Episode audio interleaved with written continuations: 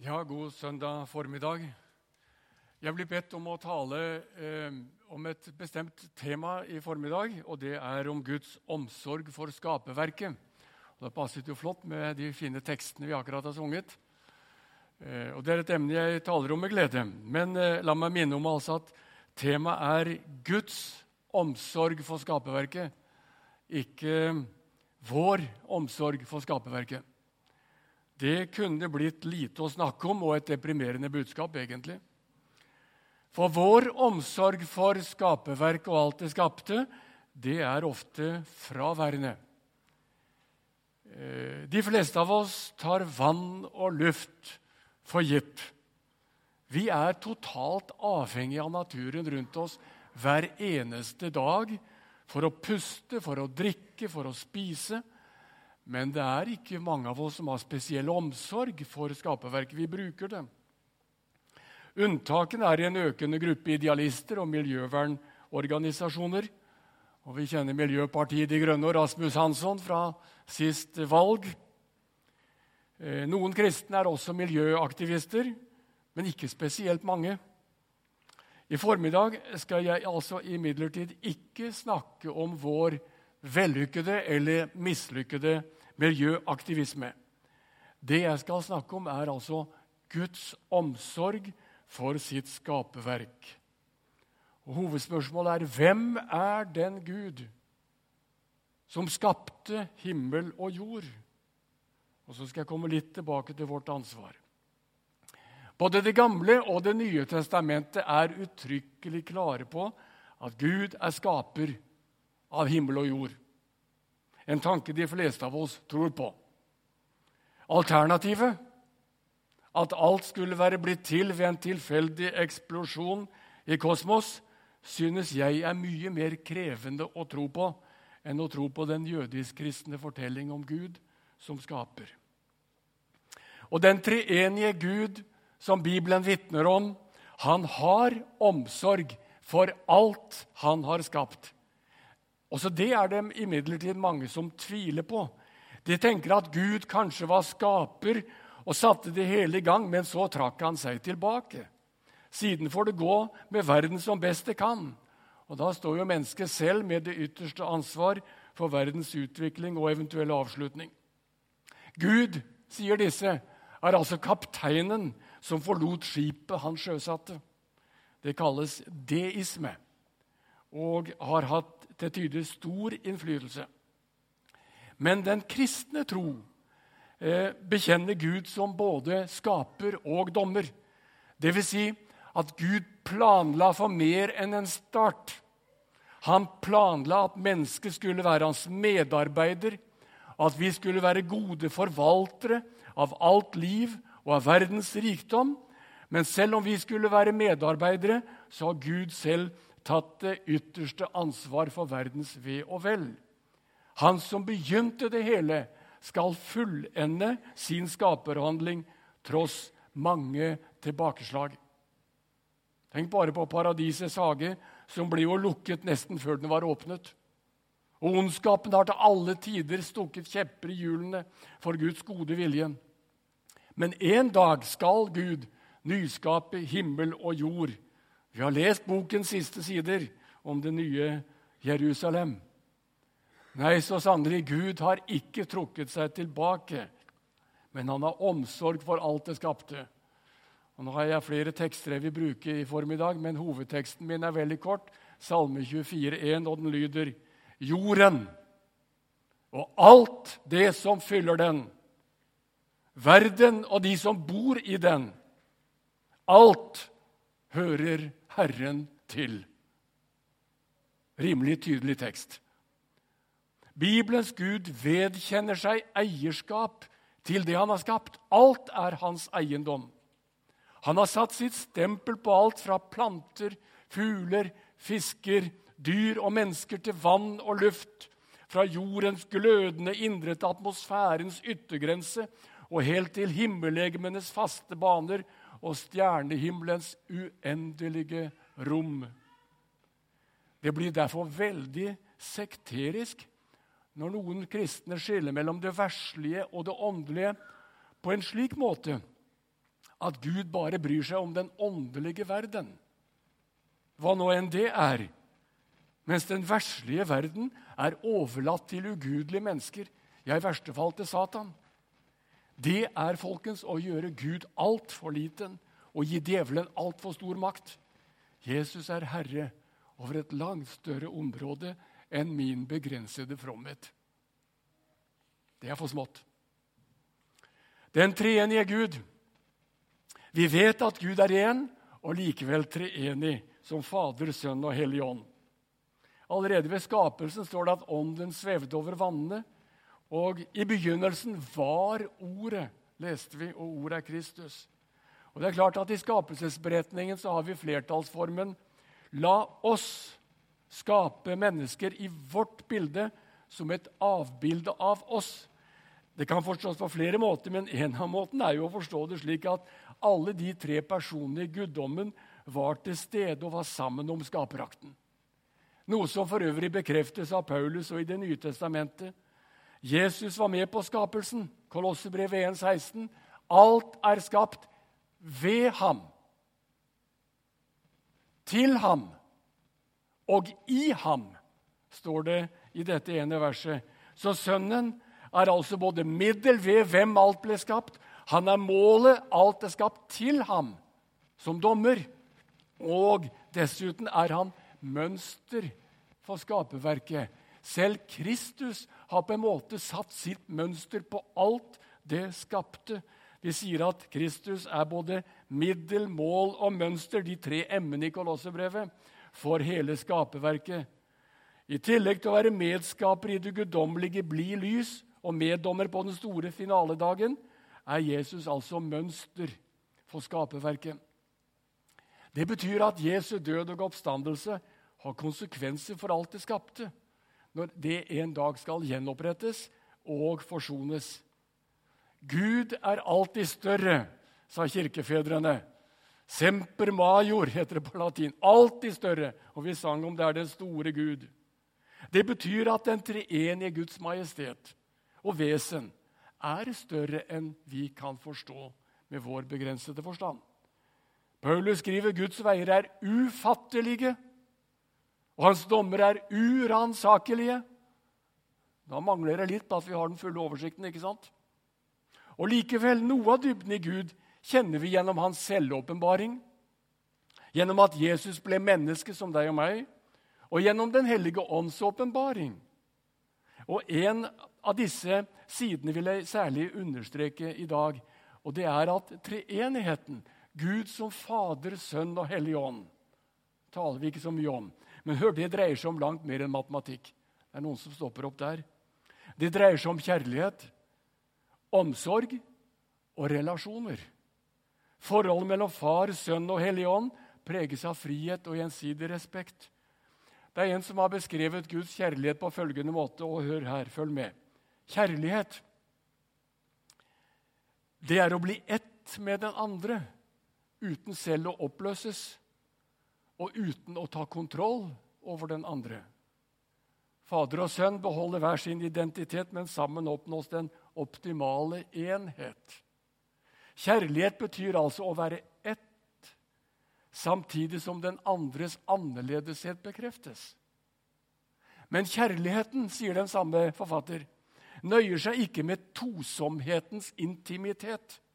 Den overskrider sine egne grenser i en tredje størrelse som fullt ut representerer dem begge og samtidig realiserer seg selv. Slik utgår Ånden fra Faderen og Sønnen, sier trosbekjennelsen. I denne forstand er treenighetslæren en presis beskrivelse av utsagnet 'Gud er kjærlighet'.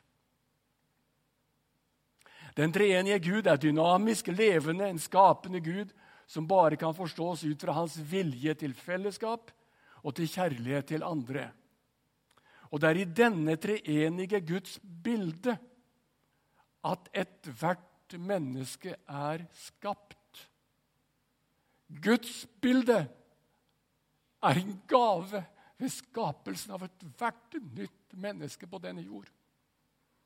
Derfor er det ikke til å undres over at Bibelen mer enn antyder At relasjonen mellom én mann og én kvinne og relasjonen mellom mennesker i Guds menighet har sitt opphav og forbilde i den treenige Gud, i hvis bilde vi har skapt.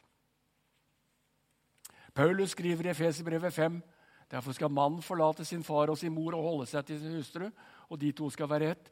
Dette er et stort mysterium. Jeg tenker på forholdet mellom Kristus og menigheten.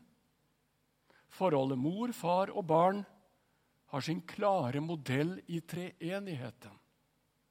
Det er derfor Den katolske kirke ser på ekteskapet som et sakrament. Og enheten i treenigheten er på samme måte en klar modell for enheten i menigheten.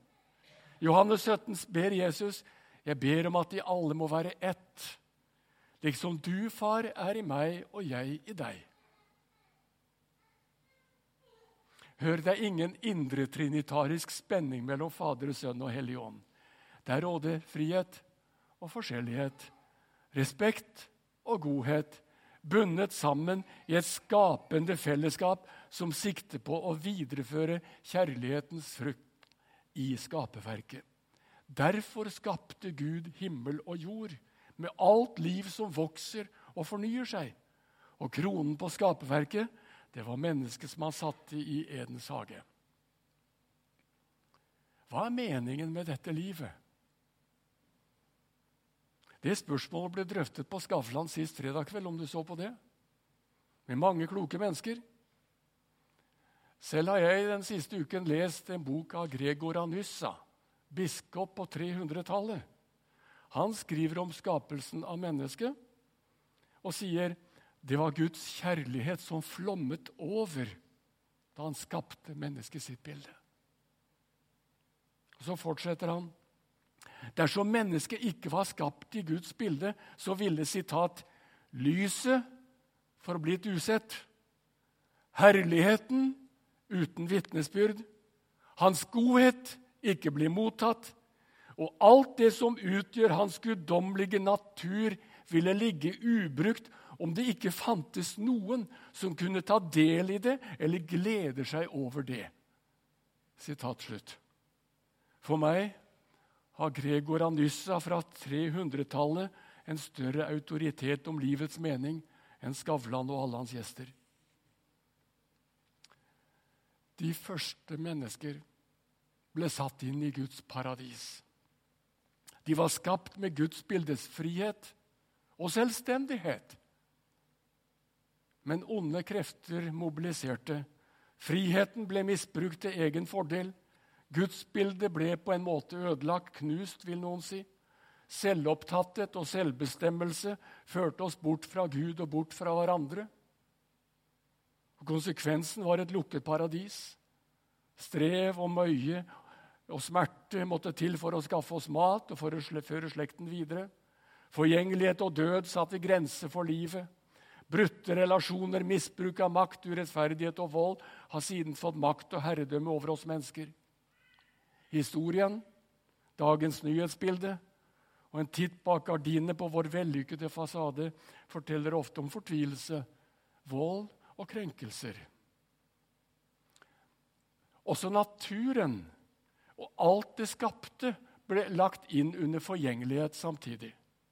Dagens klimakrise forurensning og trusselen om mer ekstremvær og økt havnivå er ikke noe annet enn det som beskrives i Rombrevets kapittel 8, vers 20, hvor det står at alt det skapte treller under forgjengeligheten, og at det skapte stønner og lider som i fødselsveer. Helt til denne dag, skriver Paulus.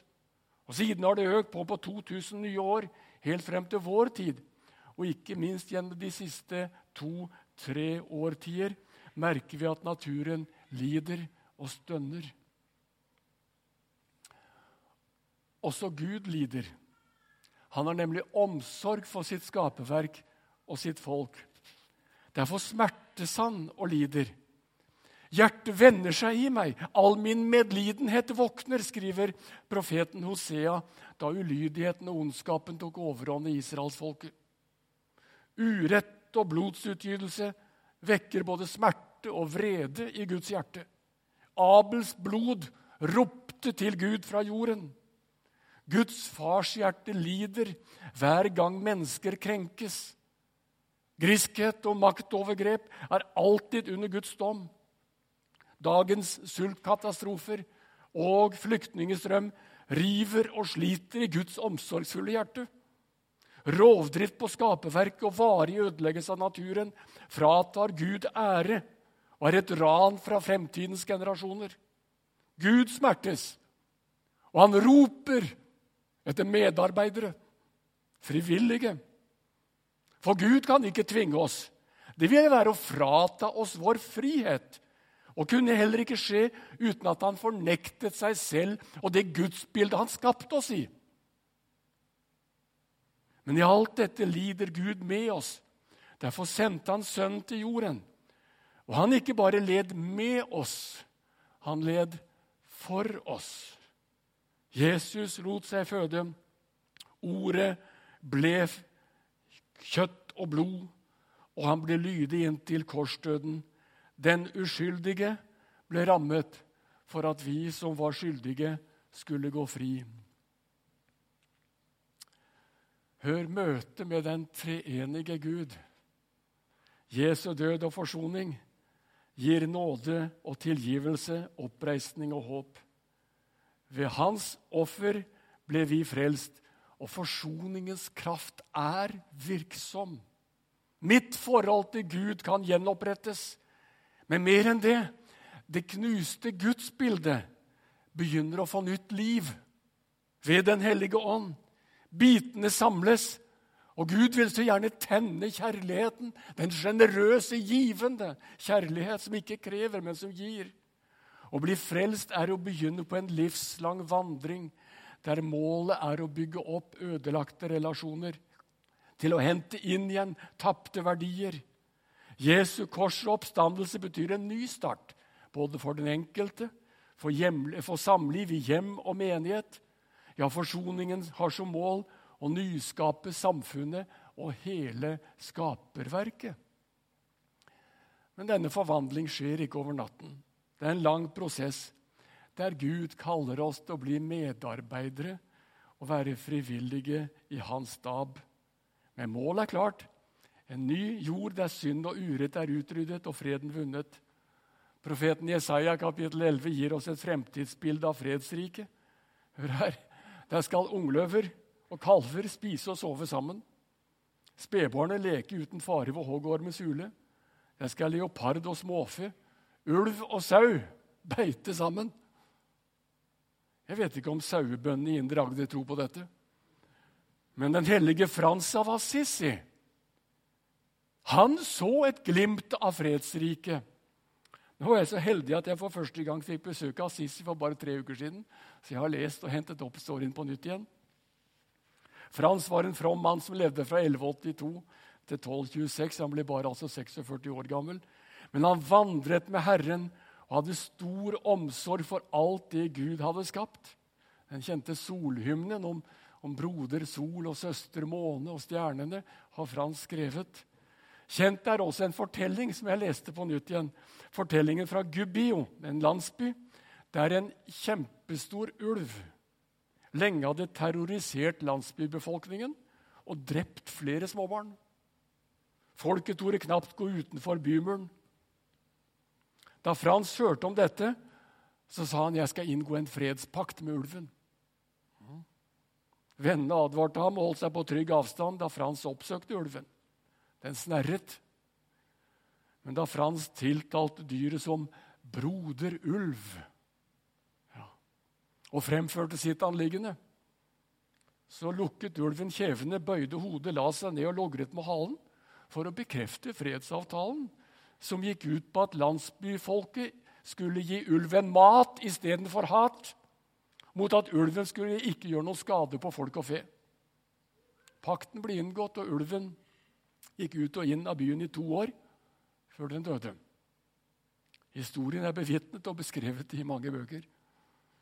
Og tror du ikke på denne fortellingen, så kunne jeg fortelle deg om løven som beskyttet misjonærene Kirsten og Martin Halland på Empoya i Kongo på 50-tallet. Den historien har jeg fra deres egen munn. Men hør, dette er selvsagt unntak. Dette er ikke normen. Fredsriket er ennå ikke her. Men hva skal vi da gjøre i mellomtiden? Et alternativ er å ikke gjøre noe som helst utover det å ta vare på sin egen sjel. Det har mange, vært mange kristnes holdning, der vi stenger verden ute. Opptatt med å holde sin egen sti ren, men ikke engasjert i politikk eller verdens elendighet. Verden skal jo likevel gå under. Har du hørt eller tenkt tanken? Andre blir miljøaktivister og forsøker å redde verden politisk, men er mindre opptatt med personlig tro og noen ganger med også med, med etikk. Jeg tenker at begge deler er viktig. Gud kaller sitt folk til personlig Jesus-etterfølgelse og til å være hans medarbeidere med tanke på natur og skaperverk. Misjonsoppdraget og kulturoppdraget må gå hånd i hånd. Og jeg spør, Hvordan kan vi fremme en slik utvikling, både personlig og samfunnsmessig? Og Jeg ser to retninger eller to veier, og jeg skal bare gi en kort skisse av det. Den første veien går innover. Den andre går utover. Og Den veien som går innover, det er at Gud har gitt et særskilt kall til sitt folk og sin menighet. Og den peker på at vi må søke inn i Guds ord og lese bibelordet, folkens. Bibelkunnskapen er på et lavnivå i vårt land og folk og langt inn i Guds menighet. Vi må lese Guds ord. Vi må be sammen og be til Gud at han gir oss opplyste øyne. Og så må vi vente på å be om Åndens åpenbaring, så vi forstår. Veien innover vil gi oss ny forståelse av hvem Gud er, og hva han vil. Ny motivasjon. Det vil opplyse vårt indre og forankre vår hverdag dypere i Guds vesen og vilje. Og det at gudsbildet som vi har skapt i, må gjenreises og gjenskapes i den enkeltes liv. Og Det er dette Paulus tenker på når han skriver til menigheten i Efesus og ber.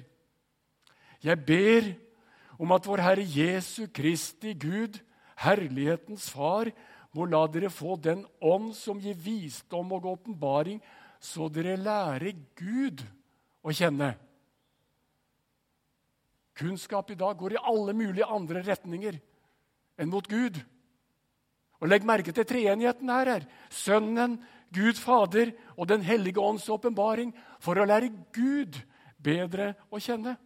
Visdom og åpenbaring knytter til treenigheten og til relasjonenes Gud.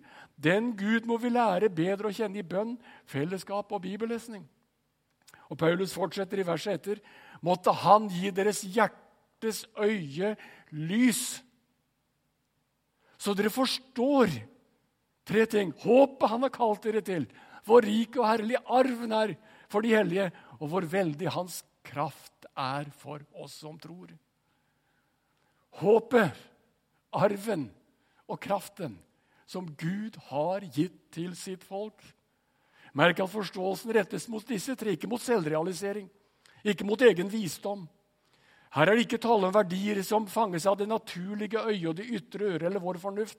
Det dreier seg om å få et opplyst hjerte så vi ser og forstår hva Gud har på hjertet, og hva Gud vil med oss. Hvor han kaller oss inn til fellesskap og medarbeiderskap. Det er dette det dreier seg om. Slik at det kristne håp alltid står lysende klart for vår tanke. Også når forbrukersamfunnets mange erstatningsverdier truer med å forføre oss og drukne oss i plastikk og kortvarig nytelse. Det å lære Gud bedre å kjenne er en forutsetning for å ta opp kampen mot synden og selvopptattheten. Det koster å følge Jesus. Det dreier seg om et stykke selvfornøktelse. Kampen mot oss selv er kanskje den største kampen vi kjemper. For å finne vår identitet som en Jesu etterfølger i 2015. Til å elske Gud alene det er en relasjon som settes ifølge Jesus over både foreldre, ektefelle, barn og seksualitet. Matteus 19. Dette kallet er det samme enten vi lever i ekteskap eller vi lever alene. Dette kallet er et kall til hjem og fornyelse, en utfordring for oss alle. Å bære frukt utover det å føde barn, så er utfordringen om å bære frukt den samme for oss alle. Det betyr tilbakeholdenhet på egne vegne. En gudgitt interesse for andres ve og vel. varme relasjoner til de mennesker Gud sender i vår vei. Og plutselig skapes det frukt av vårt liv og vår tjeneste. Det er nåde over nåde. Men det er det som skjer når Gud får gjøre sin gjerning i vanlige mennesker som deg og meg. Da skapes det frukt, og det er en del av den guddommelige skapergjerning. Til slutt her er jeg tilbake til den andre linjen som peker utover. Vi er kalt til å være Guds medarbeidere og til å ta vare på hverandre og hele skaperverket. Alt hører Gud til. Guds kongelige riksvilje skal vi søke først av alt, ifølge Matteus 6, 33. At Guds folk følger landets lover og regler, både juss og økonomi, det tas som en selvfølgelighet. Men i Guds rike finnes det en ny standard for rettferdighet. Søk først Guds rike og dets rettferdighet. Den baseres på kjærlighetens lov, preges av barmhjertighet og søker veier til å ta vare på og styrke alle de andre. Derfor er jeg glad for alt arbeid for misjon og diakoni som gjøres fra denne menighet. Og nå også et bredt engasjement for å gi selvrespekt og ny verdighet til noen av byens tiggere. Vi bør også be om kreativitet og vilje til å finne veier til å bedre å ta imot flyktninger som kommer i vår vei. Dessuten tenker jeg at vi alle som kristne skulle bevisstgjøres på at vi er medarbeidere og forvaltere av skaperverket. Det er et gudgitt kall. Det betyr å si nei til rovdrift på natur og miljø. Det betyr å begrense bruken av miljøskadelige midler og alt som skader livsmiljø. Det kan bety å begrense bruken av forurensende fremkomstmidler. Kanskje det mest miljøfremmende tiltak i Vesten ganske enkelt er å redusere vårt totale forbruk. Kort og godt gi mer av midler til nødhjelp og de som sulter og lider. De ville monne. Hør her, jeg har ingen detaljert fasit på hva som er rett og galt. Jeg vet at vi alle er vevd inn i et moderne forbruksmønster. Og det er ingen løsning at vi vender tilbake til steinalderen eller alle flytter på landet. Vi er alle medskyldige i den urett og den synd som dagens overforbruk i Vesten representerer. Vi trenger alle å be synderens bønn. Gud, vær meg synder nådig. I lys av den treenige Guds hjerte og omsorg for alt det skapte trenger vi å ta bevisste valg. Det siste vi trenger, er likegyldighet og ansvarsfraskrivelse, som å si at mine valg teller ikke, det er bare en dråpe i havet. Gud tenker annerledes. Jesus selv sier at å gi et glass kaldt vann i rett tid er registrert med tanke på dommens dag. Men fremfor alt tenker Gud på oss med kjærlighet. Også i formiddag gir han oss, helt ufortjent, folkens, av sin godhet og nåde. Alt vi trenger for dagen i dag og for alle dager inntil rettferdighetens og fredens riket skal etableres på en ny himmel og en ny jord. Gud velsigne oss alle. Fortsatt god søndag.